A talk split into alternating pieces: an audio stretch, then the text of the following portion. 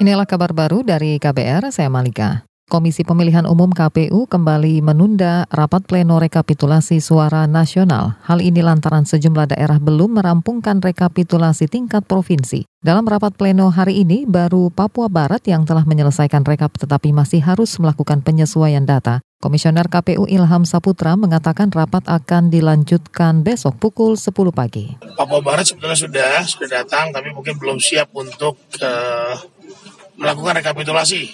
Kemudian uh, untuk Sumatera Utara juga masih melanjutkan rekapitulasi provinsinya karena ada kendala untuk uh, beberapa kabupaten kota. Tetapi kami tetap optimis bahwa uh, kita akan menyelesaikan proses rekapitulasi ini sampai tanggal 22. Komisioner KPU Ilham Saputra menambahkan rapat pleno besok akan dilanjutkan untuk Provinsi Papua Barat, Sulawesi Selatan, Jakarta, dan Sumatera Utara. Hasil rekap sementara menunjukkan pasangan Joko Widodo Ma'ruf Amin unggul dengan meraih lebih dari 70 juta suara atau 55 persen. Adapun pasangan Prabowo Subianto Sandiaga Uno mendapatkan 56 juta suara atau sekitar 44 persen.